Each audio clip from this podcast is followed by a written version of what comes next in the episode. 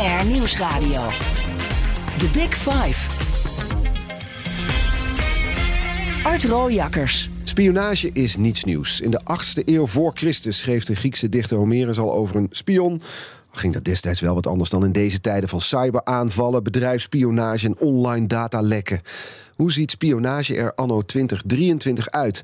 Daar ga ik deze week over in gesprek met vijf experts, deskundigen in BNR's Big Five over spionage. En vandaag is Huip Modderkolk bij me. Hij is onderzoeksjournalist bij de Volkskrant, auteur van het boek Het is oorlog, maar niemand die het ziet. Het gaat over de gevaren van digitale ontwrichting. Welkom. Dankjewel. Ook podcastmaker trouwens, hè? Ja, recent. Ja. Ja. Over een man die in een vliegtuig stapte in Spanje, wat verder helemaal leeg was, op één andere vrouw na. Ja. Was dat nou een geheim agent of niet? Daar gaat die podcast over. Klopt. Intrigerend was het. Voordat ik het met je ga hebben over de grootste gevaren van digitale spionage, wil ik graag twee dingen van je weten. Eh, allereerst, onlangs, was eind februari, onthulde jij nog in de Volkskrant dat de AIVD, eh, FVD-leider Thierry Baudet in 2020 had gewaarschuwd dat hij en zijn partij doelwit, doelwit waren van Russische spionnen. Hoe kom jij zoiets op het spoor? Veel praten met mensen. Bin- Mensen binnen de diensten. Mensen binnen de diensten, buiten de diensten. Ehm, ja, mensen die er verstand van kunnen hebben. Mhm. Eh, dit, dit liep al langer. Als in, eh, we hadden informatie samen met mijn collega Frank Hendricks. Al volgens mij anderhalf, twee jaar. Maar het lukte maar niet om het rond te krijgen. Ja, dus dan blijf je maar proberen. En op een gegeven moment eh, was er een doorbraak. Ja, al, al die losse eindjes blijf je aan trekken totdat iemand het wil bevestigen en nog iemand het wil bevestigen. Ja, totdat er genoeg bevestiging is om het verhaal. Zodat we zeker weten dat het klopt. Ja. Ja. In die werkwijze zit ik ook wel misschien waarom jij eh, de prijs van het vrije woord hebt gewonnen vorig jaar. Voor je werk als onderzoeksjournalist. Want volgens de jury eh, won je die omdat je, cita- citaat, een belangrijke stem bent in het debat over slinkende privacy in de oprukkende digitale wereld. Ben je het helemaal mee eens natuurlijk. Dat, vind- dat, ik vind het een grote eer. Ja. Ja, ja, ja. Eh, is het ook iets wat, waar jij druk op maakt als zij dat zeggen, die slinkende privacy? Ja. Ja, nee, dat vind ik wel echt. En ik denk, ik, nou, ik hoorde net, hè, we hoorden het net volgens mij allemaal in het nieuws, ehm, dat bijvoorbeeld de politie nu databanken, particuliere databanken gaat gebruiken. Ja, ik denk daar ook altijd meteen wat bij. Eh, namelijk, Denk je daarbij? nou, het gaat altijd, altijd over veiligheid. Hè? Dus dat is ook de legitimatie hier. Dus de legitimatie is, we moeten dit doen, want er zijn een paar zaken die we dan misschien kunnen eh, oplossen. En we doen dat alleen en dan krijg je een hele riedel met, eh, met toestemming, goed gewaarborgd. Ehm, maar er zitten ook wel echt, er zitten altijd kanten aan die niet worden belicht op dat moment. En de vraag is of dit in het maatschappelijk belang is. Het is vast in het opsporingsbelang. Maar is het ook in het maatschappelijk belang? Is er een verschil tussen die twee wat jou betreft? Eh daar kan een verschil eh, tussen zitten. Ja. Ik denk dat als je gewoon ehm, eh, de afgelopen twintig jaar bekijkt, is dat ehm, mensen, burgers, minder anoniem zijn geworden. Dat ze op allerlei manieren te volgen zijn. Dat het zelfs zo is dat. Kijk, als ik mijn DNA-profiel aan zo'n particuliere databank geef, wat een individuele beslissing is, dan maak ik ook een beslissing voor mijn familie. Zijn die daarin gekend? Hoe worden die gegevens eigenlijk opgeslagen? En je ziet dat er zoveel gegevens worden opgeslagen, dat er op allerlei plekken, door criminelen, ook door andere staten, ehm, het gedrag van, van burgers in de gaten kan worden gehouden, zonder dat zij dat zelf weten. Nou, is een interessant woord wat jij gebruikt, kan worden gehouden. Of Ja. wordt het al in de gaten gehouden? Wordt ook, ja. Alleen ik zeg het kan, omdat ehm, het is grotendeels niet zichtbaar. Ehm, om meteen hierbij bij aan te sluiten, in het, eh, een half jaar geleden waarschuwde de IVD en de MIVD dat, dat China, en dat is niet het enige land dat dat doet, ehm, op zeer grote schaal ook in Nederland persoonsgegevens verzamelt. Ehm, dat, dat gebeurt of via sociale media, maar ook bijvoorbeeld bij medische instellingen. Kun je je voorstellen? Dus dat van eh, onze medische dossiers kunnen worden verzameld door een grootmacht als China. Kun je denken, ja, maar waarom doen ze dat nou? Daar, kunnen, daar kunnen allerlei redenen voor zijn. Maar het laat zien dat het mogelijk is. Ja, waarom ze dat doen, we komen er straks nog over te spreken hoor. Ik heb nog een andere vraag waarmee ik wil beginnen is...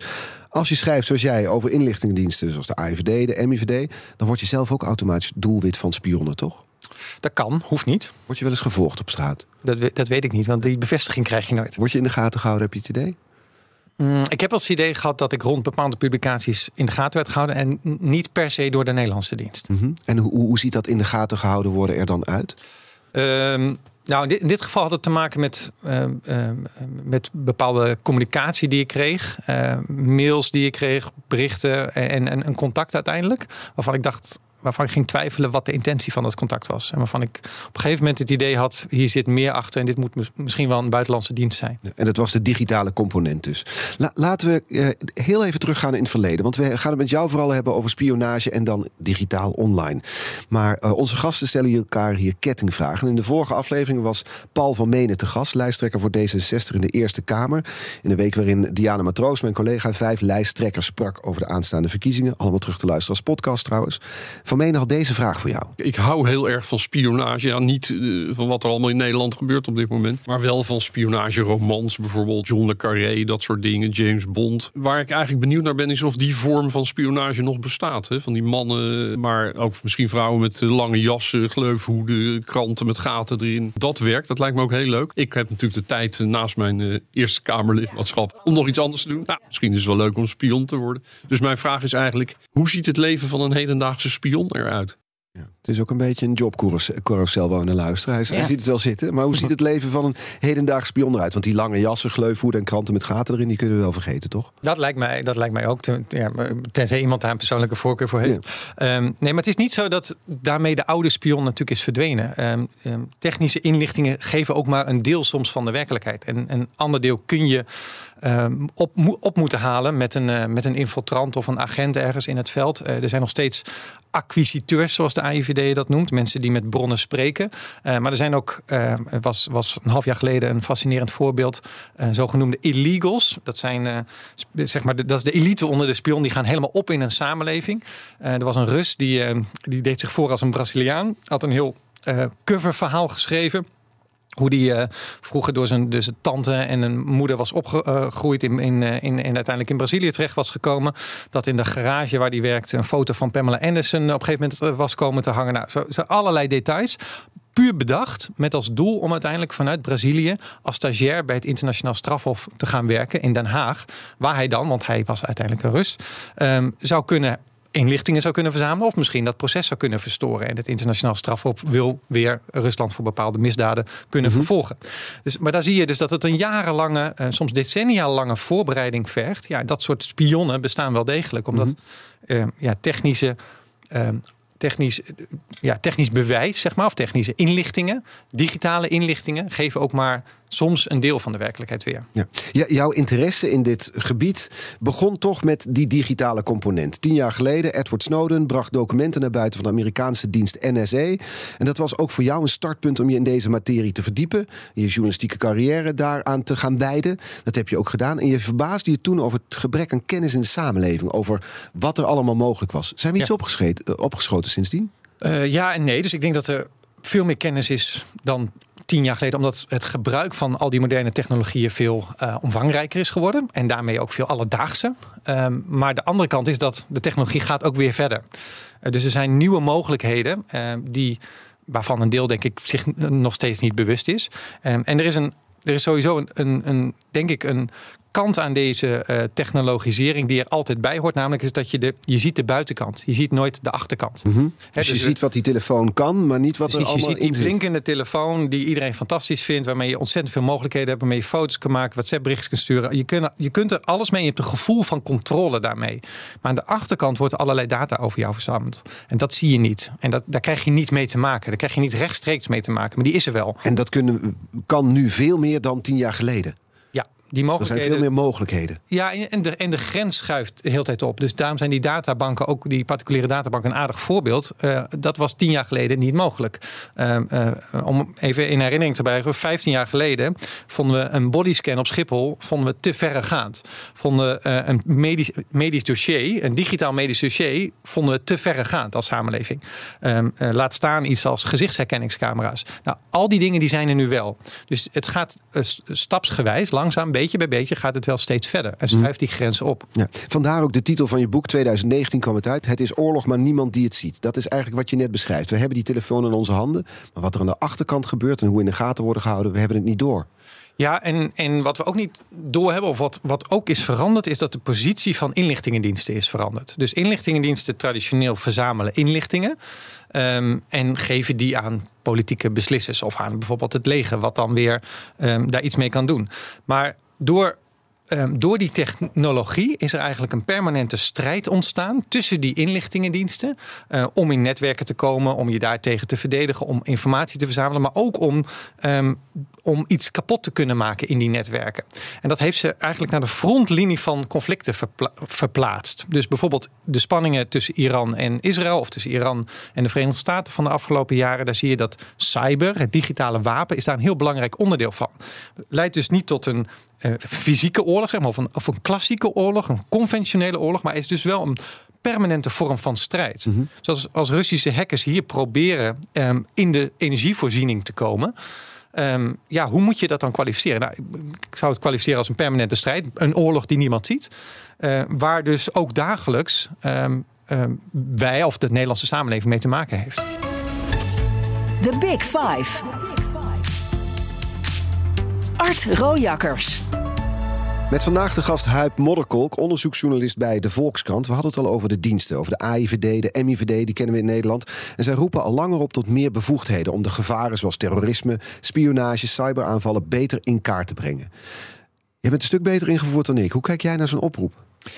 Ja, ik vind dat een, ik vind dat een heel lastige. En eh, daar zou ook mijn vraag straks over gaan eh, aan, eh, aan Erik Akerboom. Nou, laten we meteen doen. Want morgen inderdaad Erik Akerboom te gast. baas bij de AIVD, nu sinds een jaar of twee. Ja. Dus nog toen jij jouw boek schreef, zat hij er nog niet. Inmiddels wel. Wat zou je van hem willen weten? Nou, wat ik, er, is, er, is een, er is een fascinerend iets ook in, in, in, dit kader. Eh, er was misschien een verwachting dat in de aanloop naar de, naar de, naar de oorlog in eh, Oekraïne, dat de Russische hackers, die toch bekend stonden als, als goed, als kundig, als agressief. ehm, als die invasie zou plaatsvinden, ervoor zouden zorgen dat ze, nou, zeg maar, eh, eh, met hun hackeracties het leger zouden helpen. Het lijkt er niet op dat dat grootschalig is gebeurd. Ze hebben best wel veel geprobeerd. Ze hebben dingen kapot gemaakt. eh, soms succesvol, maar, maar, maar soms ook verijdeld. Best wel vaak verijdeld. Ehm, Daarbij kwam nog iets anders, dat de verwachting was dat ze dat ook in Europa zouden doen. Of dat er een angst was dat wat daar zou gebeuren ook Nederland zou kunnen treffen, digitaal. Ook dat is niet gebeurd. En je ziet dat zowel beveiligingsbedrijven als cybersecurity-bedrijven, of als, eh, als inlichtingendiensten, internationale ook, zeggen van ja, dat is, dat is gewoon niet gebeurd. Hè. We moeten constateren dat het vrij rustig blijft. Ehm, tegelijk is- zit daar iets bij dat zowel de AIVD als de MIVD, dat, dat is bekend, zeggen bronnen, maar dat zeggen zij soms zelf ook min of meer. Een goede positie hebben bij die Russische hackgroepen. Zij zijn in staat die te hacken. Ja, ze zijn in staat om de Russische hackersgroepen weer terug te hacken. Precies, zeg maar. dat, dat, en dat doen ze permanent. Dus ze, ze kunnen goed zien wat die Russen van plan zijn. En tegelijkertijd zien we ook dat het misschien wel meevalt wat ze nu doen. Is dat het werk van de AIVD bedoel je? Nou, dat, hoef ik niet, dat zou ik zeker niet eh, zomaar zeggen. Maar ze hebben er in ieder geval goed zicht op. Maar wat nou het fascinerende is, is dat ze tegelijkertijd zeggen: ja, maar die dreiging neemt alleen maar toe. En we moeten ons beter kunnen verdedigen. We moeten dus meer bevoegdheden hebben. Ja, mijn vraag zou zijn: hoe kun je die twee met elkaar rijmen? Dus hoe kun je enerzijds zeggen: we hebben er al heel goed zicht op en ze doen niet zoveel. En anderzijds zeggen: ja, maar die dreiging is enorm, neemt alleen maar toe en we kunnen niet genoeg.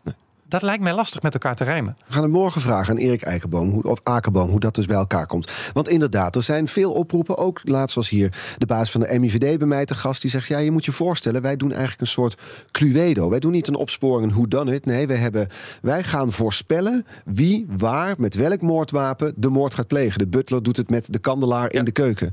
Dat betekent dat we nou eenmaal meer bevoegdheden nodig hebben. Ja. Klinkt als een logische redenatie. Zeker, zo klinkt het heel logisch. Maar er is ook al een wet die al de, de diensten veel bevoegdheden geeft. Die ook bijvoorbeeld een spoedartikel eh, eh, bevat. Eh, nou is een van de Spoedartikel? Ja, dus als je, zij zeggen bijvoorbeeld nu, hè, we kunnen niet zomaar en snel reageren. Ja, zeggen anderen dan, dat kan wel. Er is gewoon een spoedmogelijkheid, een spoedprocedure. Je kunt wel degelijk, ehm, ehm, als er een cyberaanval is, meteen kijken ehm, of, je, of je daar inlichting over kan verzamelen en of, hoe je dat zou kunnen stoppen. Dus dat is een beetje een, hè, dus dat zijn twee kampen die tegenover elkaar staan. Ik vind het lastig. Ik ken niet alle technologie. Ehm, ik denk dat in zijn algemeenheid het altijd goed is om voorzichtig te zijn met het uitbreiden van dit soort bevoegdheden. En dan specifiek op één punt. Ehm, wat zij willen is ook breder de kabel intercepteren. En hier zit een belangrijk. internetkabels intercepteren betekent dat ze eigenlijk willen aftappen, willen kijken wat Ja. er allemaal over die internetkabels gecommuniceerd wordt. Precies, dat je eigenlijk gewoon eh, eh, even inplucht en een, een deel van de datastroom er, eruit haalt en dan opslaat. Verkeer van ons allemaal. Eh, en dan later kan, eh, kan bekijken. Daar, zijn, daar gelden waarborgen voor, uiteraard. Wanneer je dat mag bekijken en hoe. Eh, maar daar zit wel een belangrijke maar bij. En, en daarom ook mijn vraag aan Erik Akerboom. En daarom ook mijn ehm, scepsis. Ehm, toen toen die mogelijkheid er kwam, een aantal jaar geleden, er is een referendum over geweest. En werd nee tegen gestemd. Toen werd onder andere door de, uh, het, vaak het, het, voorbeeld gebruikt van de wijk. Het afluisteren van een wijk. En toenmalig minister uh, Ronald Plasterk zei toen van... nee, maar dat is echt niet aan de orde. Hè. Dat gaan we niet doen. We gaan niet de communicatie van een wijk zomaar aftappen... als we het gevoel hebben dat daar misschien een interessant doelwit zit. Dat was een heel concreet voorbeeld. Mm -hmm.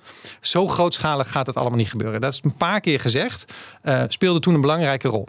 Nou, wat blijkt nu is dat het eigenlijk veel grootschaliger is geworden. De hele stad wordt afgeluisterd, bij wijze van spreken. Sterker nog, het hele land kan worden afgeluisterd. En, en dat komt door de posities waar die kabelinterceptie plaatsvindt. Dus dat vindt plaats bij grote kabelboeren, noem ik hem even. Um, uh, grote internetkabelpartijen. Um, en door daar te gaan zitten kun je de internetstroom van heel veel van miljoenen Nederlanders in één keer opvangen. Mm -hmm.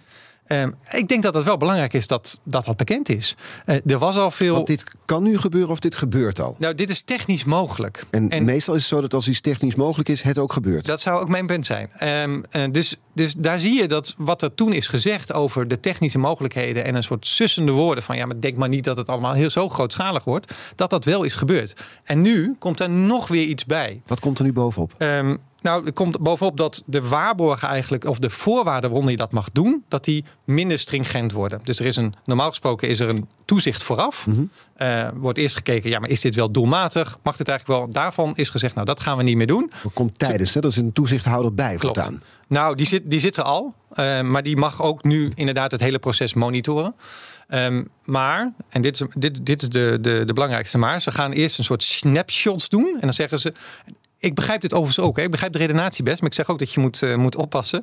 Uh, wat ze gaan doen is, we weten niet waar we moeten zoeken. Dat is het lastige natuurlijk online. Dus we beginnen groot. Nemen we een soort, soort snapshot van het internet. Um, en dan gaan we kijken, oké, okay, wat zijn de interessante datastromen? Maar mm-hmm. in dat snapshot zit ontzettend veel. Uh, en, en, en dat kan ook nog eens best wel lang worden bewaard. Nou, daar zit volgens mij een, best wel een privacyrisico. Want wat gewoon bekend is, is hoe meer data je hebt, um, uh, hoe groter de verleiding om daar ook in te gaan zoeken. Ja. Wie loopt er risico, denk je dan meteen, hè, als gewone burger? Dus stel, er wordt zo'n snapshot gemaakt, dan zie je inderdaad dat ik, weet ik het, op zoek ben naar een nieuwe hond. Ja. Uh, en ja. Ja, loop ik dan risico? Of wie zijn, wie zijn de groepen voor ja, wie nou, de dit, risico's dan? Ja, nou, ik zou zijn? zeggen in zijn algemeenheid zeggen, en dit geldt voor voor, um, voor al deze dingen. Kijk, het, het telt samen op. Um, dus gezichtsherkenningscamera's, uh, nieuwe technologie, maar ook allerlei databestanden, datalekken. Het zijn ontzettend veel datalekken. Mhm. Dus je gaat naar een, uh, de, de autodealer. je wil eventjes rijden met de auto. Prima, zegt hij. Geef even je rijbewijs. Waar woon je ook alweer? Dat slaat hij op. telefoonnummer, alles. Precies, dat slaat hij ergens op in een systeem wat jij niet kent. Vervolgens wordt dat systeem ooit gehackt, zegt die autodealer. Ja, daar wil ook niet zoveel mee te maken, maar jouw gegevens liggen wel op straat. Nou, mm-hmm. dit gebeurt niet. Dit is niet een willekeurig voorbeeld. Dit gebeurt aan de lopende band. En, en overal zijn die databestanden beschikbaar. Dat betekent dus dat um, in deze samenleving je eigenlijk nooit meer anoniem bent. En dat je gedrag op, tot op zekere hoogte te volgen is. Maakt jouw werk als journalist wel lekker makkelijk, hè? Uh, nou, soms angstvallig makkelijk. Ja, klopt. En ook weer om mensen van de, van de AIVD te vinden. Dat klopt. Um, maar er is dus, vind ik, ook een andere kant. Is dat als je het gevoel hebt permanent in de gaten te worden gehouden. Um, dan doet dat misschien ook iets met je. Um, ja, met, met wie je bent. Um, ga je gedrag misschien aanpassen. Mm-hmm. In mijn geval ook als, als, als ik wil spreken met, uh, met bronnen en, en die echt geheim moeten blijven, die echt anoniem moeten blijven. Dat is knap lastig geworden in deze, deze samenleving. En dan kom ik, ja, dan mag ik nog even, dan, dan, dan, wie hebben daar nou last van? Ik denk dat de mensen die het meest last hiervan hebben, uh, dat dat de kwetsbaarste personen zijn. Ja, of mensen die actie voeren, denk ik ook meteen. Ja, maar dat zijn kwetsbaar, kunnen kwetsbaar ja, de mensen die, zijn. weet, de mensen van Extinction Rebellion bijvoorbeeld, of nou ja, dit mensen bij een boerenprotesten. voorbeeld die al uh, werden, dus een soort minority report worden. Dus voordat de actie plaatsvond, werden zij al van hun bed gelicht. Um, en dat, maar dat geldt bijvoorbeeld ook voor uh, mensen die het Eritrese regime zijn ontvlucht. Maar hier nog wel in de gaten worden gehouden. Uh, mensen uit China, hebt. Ja, Ja. mensen uit China die, die hier komen en die hier zelfs niet meer vrij kunnen zijn. Um, dat geldt voor, ik noem maar wat, homo's uit Georgië die naar de Gay Pride willen. Maar waarvan de um, Georgische overheid dus weet dat ze met het vliegtuig hier naartoe zijn gegaan. En dat ze waarschijnlijk bij de Gay Pride zijn geweest. Wat staat hen te wachten als je weer terugkomt in. Nou, dat zijn de risico's van al die dataverzamelingen. Mhm. Ja, ik val er toch stil van. Omdat als je het zo opzomt, het is een betoog dat je houdt. Maar als je het zo opzomt, dan is het toch beangstigender dan menigeen zal denken. Want de, logische redenatie is, ja, we, staan onder druk. Het is oorlog op ons continent. We hebben met terrorisme te maken gehad. Het is goed dat die dienst, diensten meer bevoegdheden krijgen en ons in de gaten houden. Ja, en dat is dus, ik denk dat je, je kunt ook anders redeneren. Ehm, we zijn een open samenleving. Eh, we hebben een, krachtige democratie. Het antwoord moet niet meer zijn, maar moet juist zorgvuldiger zijn en moet het voorbeeld zijn. Van, sommige dingen moet je misschien niet doen. Zoals, wat zou je niet moeten doen, vind jij? Nou ja, je- je- ik zou dus ervoor pleiten om niet dus altijd die stap richting meer data verzamelen. Omdat je ook als overheid erop kan wijzen waarom je het belangrijk vindt dat dat niet altijd gebeurt. Ja. Eh, hetzelfde geldt of, eh, voor. Ehm, eh, voor encryptie, goede versleuteling. Dat je blijft uitdragen. Dat is ontzettend belangrijk. Juist om anonieme com- communicatie mogelijk te maken. En niet anonieme communicatie aan zich, waar heel veel goede redenen voor kunnen zijn. ehm, in het verdachte bankje te zetten. Ik verheug me nu nog meer op het gesprek van morgen met Eke Erik Akerboom, directeur-generaal van de AIVD. Gewapend en wel gaan we hem tegemoet treden morgen, dat gesprek. Eh, abonneer je op onze podcast via je favoriete podcastkanaal om geen aflevering te missen. En zometeen praat ik verder met onderzoeksjournalist Huip Modderkolk over de gevaren dus van spionage voor gewone burgers zoals jij en ik, maar ook wat het betekent voor zijn werk. Want hoe spreekt hij dan af met bronnen als je nergens meer anoniem kunt bewegen? Blijf luisteren. Welkom bij het tweede half uur. Deze week vijf experts over de wereld van spionage. Later deze week praat ik nog met veiligheidsdeskundige Danny Pronk over internationale bedrijfsspionage en de grootste gevaren daarvan. En vandaag de gast onderzoeksjournalist bij de Volkskrant Huip Modderkolk. De komende half uur wil ik graag nog twee onderwerpen met je bespreken. De huidige vorm van eh, cyberoorlog en de gevaren van spionage voor gewone burgers. Want we hoorden net een gloedvol betoog van jou over waar we op moeten letten eh, als we al die privacy zeg maar opgeven. Als diensten steeds meer mogelijkheden hebben om ons ja, in de gaten te houden. Dat je nergens meer anoniem kan zijn. En tegelijkertijd, ik weet, ik weet niet, woon jij in Amsterdam, woon je ergens Ja. anders? Nou, stel bij jou in de wijk eh, zit een terreurcel die allerlei enge plannen heeft. Is het toch fijn als ze die oprollen voordat de boel letterlijk en figuurlijk ontploft? Nou, dat, daar zijn ze volgens mij vrij goed in. Dus er is hier eh, de afgelopen jaren geen eh, terroristische aanslag geweest. Dus niet een serieuze. Nee, maar dat is natuurlijk het dilemma. Ja. Ja, Het dilemma Eh, van privacy versus iets wat wij niet kunnen zien. Die veiligheid die voor ons gegarandeerd wordt door een dienst die daar te weinig, of misschien wel heel weinig over kan vertellen. Ja. Waardoor wij niet zien of ze nog wel meer nodig hebben om ons echt veilig te houden. ja maar dat is de, ja, precies. Dus dat is ook het lastige. Niemand zal bestrijden dat het goed is om eh, terroristen in de gaten te houden. En dat lukt ook goed. Dus dat lukt aardig volgens mij in, eh, in Nederland. Ehm, de vraag is alleen, moet je nog meer doen? En, en op welk, welk terrein dan? Ehm, en is ook Ze zullen het niet voor niks vragen, denk je dan, Nou ja, die diensten? Kijk, wat dan belangrijk is, is, is de voorstelling van wat mogelijk is, is dat overeenkomstig met de praktijk. En daar, daarom gaf ik dat voorbeeld van een aantal jaar geleden.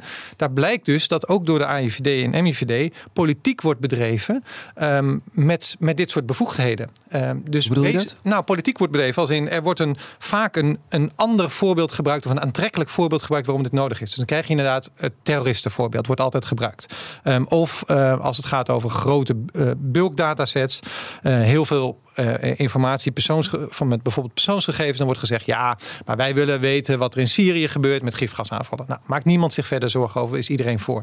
Eh, het, het gaat natuurlijk om die voorbeelden waarbij het schuurt, waarbij het ingewikkeld wordt, waarbij iedereen begrijpt, nou, hier zitten we op het randje. Die voorbeelden worden vaak niet gegeven. Nee. En de- Ehm, dat soort voorbeelden zijn er wel. Ja, zeker zijn die er wel. Wat Eh, voor wordt- voorbeelden hebben we het over dan? nou ja, een, een, een aardige is bijvoorbeeld dat ehm, de AIVD en MIVD mogen niet zomaar alle perso- eh, eh, PNR-gegevens, dat zijn de reisgegevens van alle Nederlanders, zeg maar, opvragen. En wat doen ze dan? Hebben ze een trucje voor bedacht. Dan, hebben ze een, dan gebruiken ze de informantenbevoegdheid. Dan hebben ze gewoon iemand bij de marechaussee die die dingen wel krijgen. En die zetten ze gewoon rechtstreeks door naar de AIVD. En die slaan ze de langere tijd op. Waardoor ze dus de, ehm, eh, het reisgedrag van miljoenen Nederlanders in de gaten kunnen houden. Ik zeg niet dat dat gebeurt. Eh, Er zijn nog steeds waarborgen voor. Maar het is interessant dat niemand had daaraan gedacht. Eh, En op deze manier kan het dus wel. En omdat er, kijk, en dit ligt niet alleen aan, eh, aan, de, aan de diensten voor de, voor de goede orde. Het probleem is breder. Er zijn op allerlei plekken van dit soort gigantische databestanden aanwezig. Ja, want je had het ook al over China bijvoorbeeld. Een land als China dat hier in ons land informatie verzamelt van gewone burgers. Maar dat, ja, ik vroeg me net, het voelt ver weg. Maar dat kan dan zijn, las ik ergens een voorbeeld van iemand die bijvoorbeeld bij een interessant bedrijf werkt. Dat chip Nou, aan het kan om chipmachines heel veel redenen zijn. Ja, en de, kijk, de misvatting is ooit geweest dat eh, technologie en eh, dat enerzijds dat internet eh, voor een soort een democratiserend effect zou hebben. Nou, weten we wat dat dat niet per se zo hoeft te zijn. Aan de andere kant dat je dat niet kan controleren. Ehm, nou, dat China heeft bewezen dat je het wel kan controleren ehm, als, een, als een overheid. Mhm. En het laatste misschien wel dat de technologie burgers een soort van grip geeft. En dat lijkt heel erg zo. Dus de, de, de, de deurbel, ehm, waarmee, je, waarmee je dan op vakantie nog even kan zien wie voor de deur die ringbel staat. is dat. Ja, kun je dat- zien. dat hè? ring- Ja. nou, kun je hem ook van afstand open doen. Zo. Precies, dat Ja. geeft een gevoel van controle, van, van grip. Eh, maar wat je niet ziet, is dat hackers daar ook gewoon bij kunnen. En die kunnen misschien wel eh, zien wanneer jij thuis bent. Eh, en, en dat is denk ik een hele belangrijke misvatting in dit eh, geheel geweest. En ehm, wat daarbij is gekomen is dat de schaal waarop dingen mis kunnen gaan is veranderd, is vergroot. Eh, dus als ik een simpel voorbeeld mag geven. Eh, vroeger hadden we een eh, medisch dossier bij de huisarts liggen. Gewoon papier. Ergens Gewoon in een dossierkast. Dat was niet zo goed beveiligd daar bij die huisarts. Maar om daar te komen, moest je wel, moest ik jouw huisarts opzoeken. Moest ik daar naar binnen met een smoesje. Moest ik op een bosje bloemen geven. Precies. En als ik dan al bij die dossier was, moest ik er helemaal doorheen. En dan had ik hem misschien te pakken. Ja. Kost vrij veel moeite. Nu is dat ding misschien beter beveiligd. Want digitaal, je, hebt, eh, ook die huisarts heeft verschillende codes nodig om daarin te komen. Maar als het misgaat, is de schaal waarop het misgaat, is veel groter. Eh, Samantha Bakker, de Barbie, die ooit in het ziekenhuis lag. Die kennen we uit de reality soaps. Exact. Daar, daar, die lag in het ziekenhuis. En toen keken 80 mensen van dat ziekenhuis keken in haar medisch dossier. Dat, dat Eh. waren niet allemaal nodig om erin te kijken. Denk ik. Ze zullen geen 80 artsen aan haar bed hebben Dat mocht gestaan. ook niet, dat was een fout. Maar het laat zien dat de schaal waarop het mis kan gaan, is veranderd. Ehm, en, en dit zie je ook eh, terug in de samenleving. Dus op alle plekken waar eh, data wordt verzameld, bij de tennisvereniging, bij het autobedrijf, nou, bij overheden, overal webwinkels waar je dat moet achterlaten, ehm, die maken allemaal weer gebruik van software die ze niet kennen eh, en die gaten bevat, waar anderen weer bij kunnen komen. Ehm, dus op deze manier zijn er gigantische databergen ontstaan en die geheime diensten, China voorop, die zijn goed in het nou ja, achterhalen van die data. Eh, en om vervolgens te gaan kijken om daar zeg maar, analyse op te, los te laten. Dus werk je bij ASML, nou, dan ga je het gedrag van een werknemer van ASML in de gaten houden. Ehm, maar het kan ook hele andere redenen, redenen En je journalist bij de Volkskrant, word je ook gescreend. Nou ja, misschien. Maar, maar dan wordt het bijvoorbeeld relevant als je naar China gaat. Ja. Dan voordat jij in China bent, weet eh, de Chinese zeg maar, overheid al wie je bent, waar je over schrijft, wie misschien wel je vrienden zijn. En dat maakt je natuurlijk kwetsbaarder. Ja. En toch denk ik dan, ja, dat is China. En wij leven hier in een democratisch land waar rechten en waarborgen zijn. Zover zal het hier niet gaan. Eh, zover zal het hier zeker niet gaan. Eh, het, pu- het punt is natuurlijk dat die data overal wel beschikbaar is. En dat criminelen, ehm, eh, wekelijks is er een, eh, is er een, een, nou misschien wel dagelijks is er een serieuze, eh, serieus bedrijf wordt slachtoffer van ransomware. Die kunnen dit soort data ook gebruiken. Bijvoorbeeld voor onderzoek doen naar slachtoffers. Of bijvoorbeeld om te kijken waar de kwetsbaarheden in een bedrijf zijn. Ehm, dus als je het hebt over wie zijn nou doelwit bijvoorbeeld van spionage. Ja, dat, kan, dat, kan, dat kunnen heel veel mensen zijn. dus. Ja. En is het Nou, dan- in theorie kan iedereen dat zijn. Ja, ja.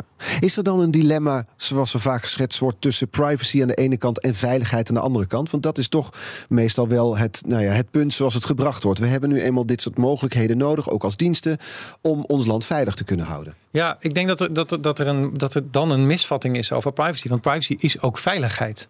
Bedoel je dat? Nou, voor heel veel mensen is privacy veilig. Het, het feit dat je kan demonstreren zonder dat je het gevoel hebt dat je gedrag wordt vastgelegd, is, is een grondrecht.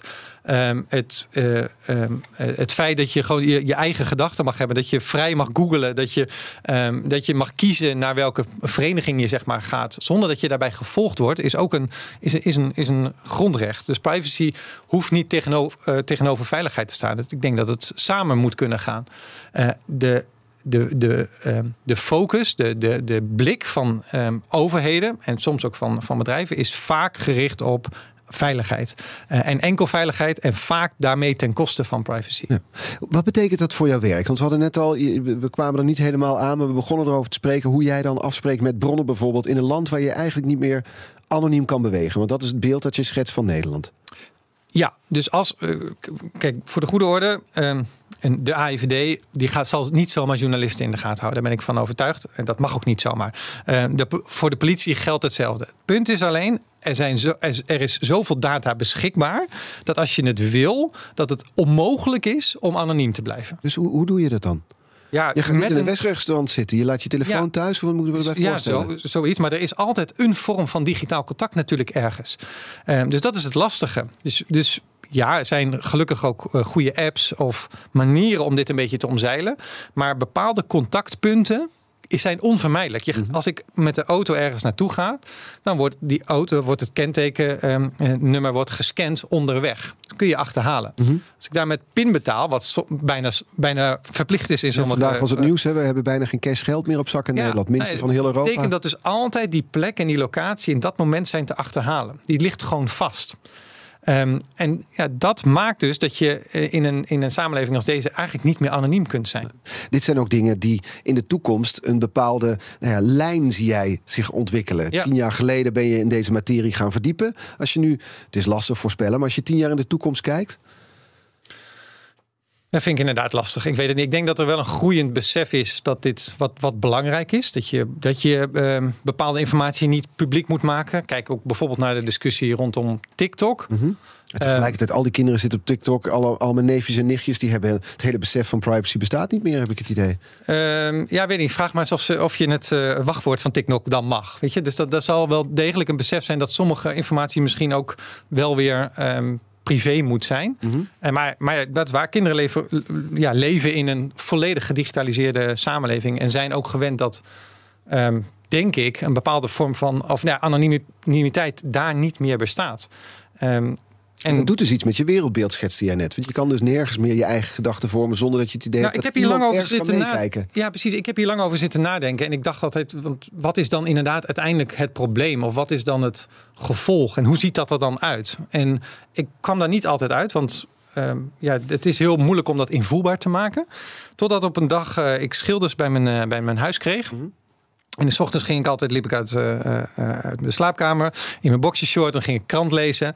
Uh, maar die schilder die stond daar. Dus het ging niet meer doen. Dus ik ging mijn gedrag aanpassen. Mm -hmm. Ik dacht, ja, dat is precies wat het is. Je ging nu in je blootje zitten. En precies. Ja, ja, ja. en ik deed de krant weg.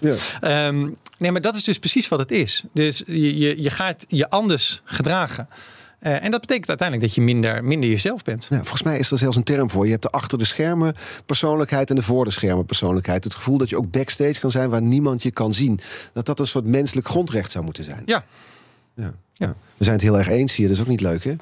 Nee, want tegelijkertijd denk ik dan, ja, je kan wel heel veel privacy hebben. En heel veel vrijheid in je gedachten. Maar als dat tot gevolg heeft dat diensten te weinig, weinig mogelijkheden hebben. Ik kom er toch nog één keer op terug, dat ja. punt. En je in een onveilige land woont. Ja, dan, dan, dan is ook wel weer een situatie die niet ja, maar, als het, maar ik denk niet dat we daar zijn. Dus ik heb veel gesprekken met mensen die ook bij de IVD werken of gewerkt hebben. Uh, en die geven niet het idee dat ze uh, niks kunnen. Mm -hmm. uh, sterker nog, de mogelijkheden zijn er gewoon. En ja. daar wordt op allerlei manieren, zelfs ook bij toezichthouders, wordt wel gekeken met deze blik. Van oké, okay, kunnen, kan, kunnen die diensten in Nederland genoeg inlichtingen verzamelen om Nederland te verzamelen? En Waar staan ze nu? Kunnen ze genoeg of kunnen ze te veel? Als jij daar met jouw expertise naar kijkt? Ik denk dat ze nu genoeg kunnen en dat ze niet per se die nieuwe uitbreiding nodig nee. hebben. BNR Nieuwsradio. The Big Five. Art Rojakkers. Je luistert naar BNR's Big Five over spionage. Later deze week praat ik nog met historicus en inlichtingen-expert Eleni Braat over het opsporen van spionnen. Vandaag de gast Huib Modderkolk, onderzoeksjournalist bij de Volkskrant. Um, jij schrijft ook, en we hadden het ook over, over de digitale kant van de oorlog in uh, Oekraïne. Mm -hmm. Er was een soort verwachting dat daar een enorme cyberoorlog zou uitbreken. En tegelijkertijd zagen we de Russen met raketten energiecentrales aanvallen waar wij dachten dat ze die mogelijk wel met hackers zouden platleggen. Ja. Dat gebeurde dus niet. Nee. Hebben de Russen overschat? Mm, weet ik niet zo goed. Ik denk dat, uh, dat er zijn heel veel verklaringen, uh, denk ik, waarvoor de, waarom dit gegaan is zoals het is gegaan. Eén um, is dat uh, dat is denk ik wel een les. Is dat uh, digitale aanvallen, zeker goede, waarbij je een energiecentrale helemaal platlegt, die kosten nou eenmaal tijd. Mm -hmm. uh, dus het is in, in Oekraïne gebeurd in 2015 bijvoorbeeld. waarbij echt de stroom is uitgezet in een deel van, van Oekraïne. Ja, en een dat is een later... soort wake-up call geweest, wordt wel gezegd. Exact, ja, dat, dat, daarna de, de cyberweerbaarheid, zoals het dan wordt genoemd, op peil is gebracht. Nou ja, precies. En dat, dat, dat kostte, die aanval kostte gewoon drie kwart jaar, zeg maar. Nog los van, van de voorbereiding misschien wel daaraan vooraf. Um, het is ook niet zo dat de uh, Russen niks hebben gedaan. Dus ze zijn binnengedrongen bij Oekraïnse ministeries. Je zag daarvoor die, dat worden dan de defacements genoemd, dat de uh, pagina's van de, van, uh, de homepagina's van, van websites van um, Oekraïnse ministeries werden veranderd met een boodschap. Dat gebeurde al in januari. Um, ook wat bekend is geworden, is dat in de aanloop, echt een dag voor de aanval. Er bij Oekraïnse ministeries al een wiper uh, dus dat maakt alles eigenlijk kapot. Uh, de computersystemen is uh, uitgerold, niet altijd succesvol. Um, en dat ze bijvoorbeeld um, ook het satellietsysteem waarmee een deel van het leger communiceerde, plat hebben gelegd. En de douanesystemen, waardoor de, een, een, deel van de vluchtelingen niet het land uit kon bij, volgens mij was dat bij Roemenië, bij de grens met Roemenië. Ja. Um, dus het is niet zo dat er niks gebeurt. maar er zijn inderdaad een aantal lessen, denk ik, vanuit Oekraïne te trekken. En dat is dat Oekraïne hier al heel lang mee te maken heeft. Dus die digitale uh, oorlog, die, die was er al acht jaar. En daar hadden ze ervaring mee. Uh, en daar hadden ze ook nog een strategisch voordeel. Is dat bijvoorbeeld bij de elektriciteitsvoorziening het zo is... dat ze die handmatig nog kunnen aanzetten. Dus het is een paar keer gebeurd dat er iets is kapot gemaakt. En dan konden zij het gewoon handmatig aanzetten. Dat was eigenlijk een voordeel bij een nadeel, hè? Dat, Zeker. dat het wat verouderd is. Dus dat er eigenlijk nog een Ja. knop is. Dat hebben wij in Nederland niet. Dat is hier niet meer. We hebben geen knoppen meer. Nee. Nee, Dus als- geen analoge terugvaloptie. Ja, Nee. Dus stel eh, de Russen, Russische hackers mikken, naar aanleiding van Oekraïne, zich ook meer bijvoorbeeld op ons land. Dan hebben wij een groter probleem dan Oekraïne. Als het gaat over de elektriciteitsbedrijven en als ze daar eenmaal binnen zouden kunnen komen en dezelfde malware zouden inzetten, dezelfde virus zouden inzetten, dan kunnen de gevolgen hier groter zijn. Ja. Simpelweg omdat onze centrales nou eenmaal moderner zijn. Ja. Er is geen aan-uitknop meer. En meer aan elkaar geknoopt. Ja, dus hoe Eh, digitaler je bent, zoals wij, hoe meer gevaar je loopt. nou, je, je kan, je kan eh, eh, zeggen dat, dat Nederland op digitaal vlak kwetsbaarder is dan een land als Zuid-Soedan. Ja, daar zit wel een logica in ook, hè? Omdat wij Zeker. dus nou eenmaal veel digitaler verstrengeld zijn Ja, dan een land als Zuid-Soedan. Ja, Ja. Dat is een, en, en een vrij open samenleving. eh, maar, maar inderdaad met bedrijven die eh, eh, vooral kijken naar de digitale mogelijkheden. Ja, maar als, als je dan naar ons land kijkt, eh, dan lijkt het tegelijkertijd ook nou ja, mee te vallen, ook op dat vlak met dat soort grote cyberaanvallen. Of, Dat is ook zo, ja. of is het, zoals jouw boek suggereert, oorlog zonder dat wij het zien? Nou, er gebeurt wel meer. eh, zeker. Er zijn ook wel echt pogingen om dingen eh, plat te leggen van hacktivisten. Natuurlijk van eh ransomware groepen. Waarvan ook niet altijd bekend is of ze enkel crimineel zijn. Of misschien ook een soort staatelijke overheid component hebben. Ja. Precies, bij Rusland eh, zeker loopt dat nog wel eens in elkaar over. Ehm, en er is een ander, maar dat, dat is dan niet aan de oorlog eh, eh, gerelateerd, is dat een land als China gewoon structureel hier intellectueel eigendom steelt bij bedrijven. Bedrijfsspionage. Ja, en dat, en dat is misschien ook wel even twee cijfers daarbij. Eén van de één op de vijf bedrijven wordt gehackt in Nederland uiteindelijk. Eén op de vijf bedrijven wordt gehackt. Eén op de vijf bedrijven en één op de twintig is op dit moment al gehackt zonder dat ze het zelf weten. Ehm, dus er is wel degelijk een, eh, een probleem. En wie zijn de hackers dan? Is daar een beeld van? Nou, dat kan dus crimineel zijn, dat kan eh, concurrent zijn, eh, of dat kan statelijk zijn, of dat kan een eenling zijn. vaak zul je, denk ik, hier in Nederland nu zien bij bedrijven dat het criminelen zijn die een bedrijf proberen af te persen. Ja, of een verveelde puber die denkt, ik ga de schilder om de hoek eens even inbreken. Dat kan, of die, die het niet eens door had, dat het een soort bijvangst is. Ehm, maar, maar een deel zal ook statelijk zijn. Mhm. 1 op de 20 bedrijven is op dit moment gehackt. Zonder dat ze doorhebben. Ja. Daar hebben ze er ook geen last van dus. Nee, ja, en dat is nog een ander iets. Iemand vergeleek het laatst, en dat gaat dan over eh, spionage. Als je dus niet, geen, als je dus niet afgeperst wordt. Die zei ja, het is voor bedrijven is het vaak. Ehm, ja, die halen, halen een beetje de schouders op. Eh, die, het is alsof je een chronische ziekte hebt waarmee je 120 kan worden. Ja, Ja. Is het relevant om dat te weten? Ja, ja. Ja, voor, zij, zij, zij hebben zoiets, ik, ik wist het, leven, wist het liever niet. Nee. En die willen dan vaak ook geen vervolgonderzoek doen. Nee. Maar dat is dus het interessante. Het zijn soms grote bedrijven. Ehm, waar, waar met, met ook bijvoorbeeld serieuze eh, eh, dataverzamelingen, persoonsgegevens van bijvoorbeeld Nederlanders. En die zeggen: ja, voor ons hoef je geen verder onderzoek te doen. Is heel, kost heel veel geld.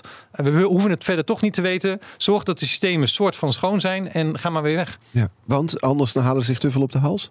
Kost gewoon geld. En, ze, en, en wa- wat hebben ze aan die informatie? Kennelijk zaten ze al binnen. Ja. ja Dus er is een we hebben er datalek. geen last van. Ja, dus dat is dan bij een bedrijf, er is een datalek. De klanten kunnen er last van krijgen, maar het bedrijf zelf niet. Dus het belang om er iets aan te doen is dan niet zo aanwezig. Ja, precies.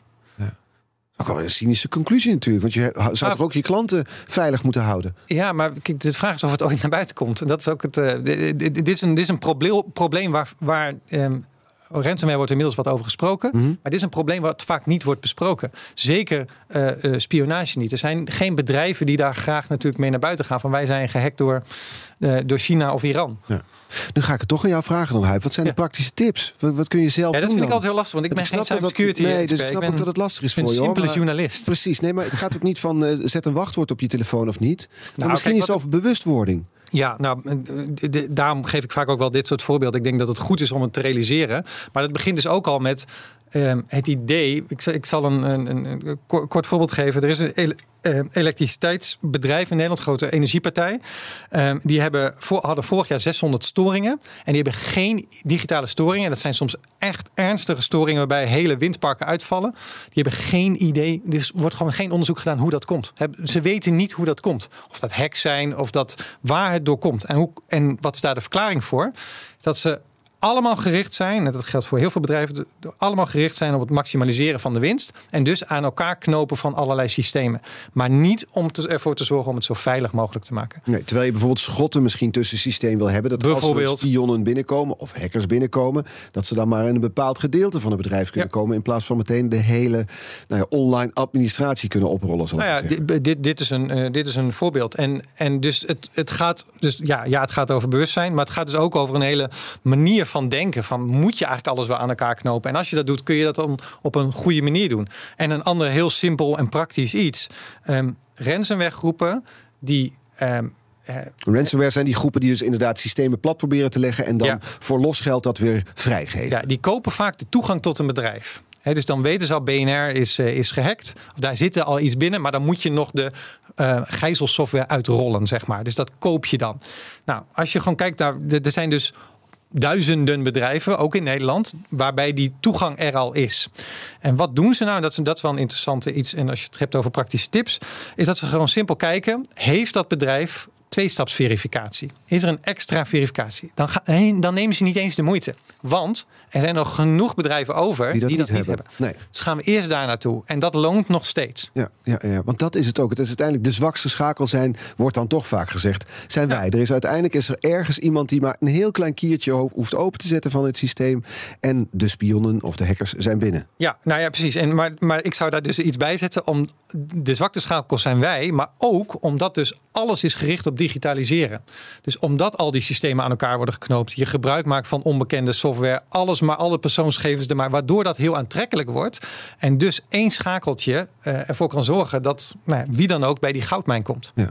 Tegelijkertijd, om wat hoopgevend te eindigen, zijn wij hartstikke goed in hacken, toch? In Nederland. Want je zei het al zelf. Wij zijn vanuit Nederland kunnen wij Russische hackersgroepen weer hacken. Ik las een Ja. verhaal, volgens mij van jou zelf, een groot artikel waarin jij beschrijft hoe een Nederlandse oud-commando vanuit zijn eigen huis het maakte tot kolonel van een internationaal cyberleger. Ja, dus als je, als je dat klopt, als je goed deze, dit, dit beheerst. Eh, dan kun je op heel veel plekken terechtkomen. Dat is dus ook de andere kant. Dus als iemand anders beter weet hoe jouw iPhone- werkt dan jij, en dat zijn natuurlijk best wel wat In mensen, mijn geval wel, ja. ja. eh, dan, dan, loop je ook, eh, dan loop je ook een risico. Ja, en dan betekent het ook dat je dat, maar dus ook ten goede kan inzetten. Ja. Ja. Zeker. En heb je daar een beeld van als journalist, als je een beetje kan hacken, hoeveel er naar de linkerkant en hoeveel er naar de rechterkant gaan? Dus hoeveel ethisch hacker worden, zoals we dat noemen, en bijvoorbeeld bij een dienst terechtkomen, spion worden? Nou, of... de echt goede hackers in Nederland die gaan, eh, die worden wel gerecruiteerd door de dienst. En die probeert daar ook wel ehm, zeg maar de, de, de, de werkomgeving meer op in te richten. Dus er is inmiddels een, een, een het zijn er tussen de 50 en 100 hackers bij de AIVD. En die hebben ook wel een omgeving waar, waar, waar ze zich prettig voelen. Hm. Dus daar kun je leg maar, zeg maar wat, wat, wat kussens op de grond en, zie ik één en, keer eh, en, en spelcomputers. Nee, maar dat ze zich wel daar thuis voor. En dat ze ook goed betaald worden. Dank voor dit uur, Huip Modderkolk. We hingen aan je lippen. Onderzoeksjournalist bij de Volkskrant. Auteur van het boek Het is oorlog, maar niemand die het ziet. Alle afleveringen van BNX Big Five zijn terug te luisteren. Je kunt je abonneren op onze podcast via onze app of je favoriete podcastkanaal. Dan hoef je geen aflevering te missen. Bij BNR ben je altijd als eerste op de hoogte van het laatste nieuws. Luister dagelijks live via internet. Jelle Maasbach. Wesley Weert. We zijn er voor je met het leukste, opvallendste, maar natuurlijk ook het belangrijkste nieuws. Tijdens de presentatie van die halfjaarcijfers toen die beurskoers in elkaar kukkelde. BNR Beurs. Voor de slimme belegger. Blijf scherp en mis niets.